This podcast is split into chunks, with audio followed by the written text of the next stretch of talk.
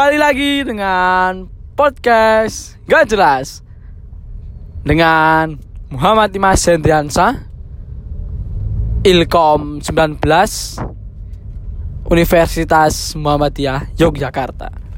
Oke, eh, di sini saya akan membahas karakter TV dengan radio.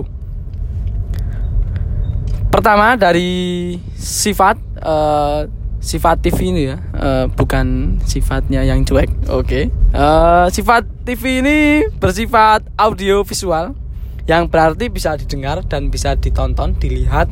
Oke. Jelas? Oke, jelas. Eh, sedangkan radio bersifat audio. Cuman bisa didengar. Dilihat juga bisa, tapi itu alat radionya, nggak ada gambarnya. Oke? Eh, itulah. Eh, sekarang dari daya pengaruh.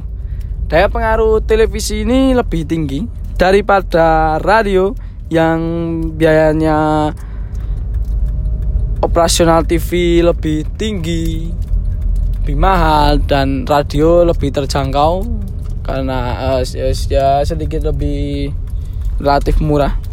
Nah, eh, dari persamaannya sekarang, eh, persamaan karakteristik kedua teknologi ini televisi dengan radio tidak dapat diulang-ulang.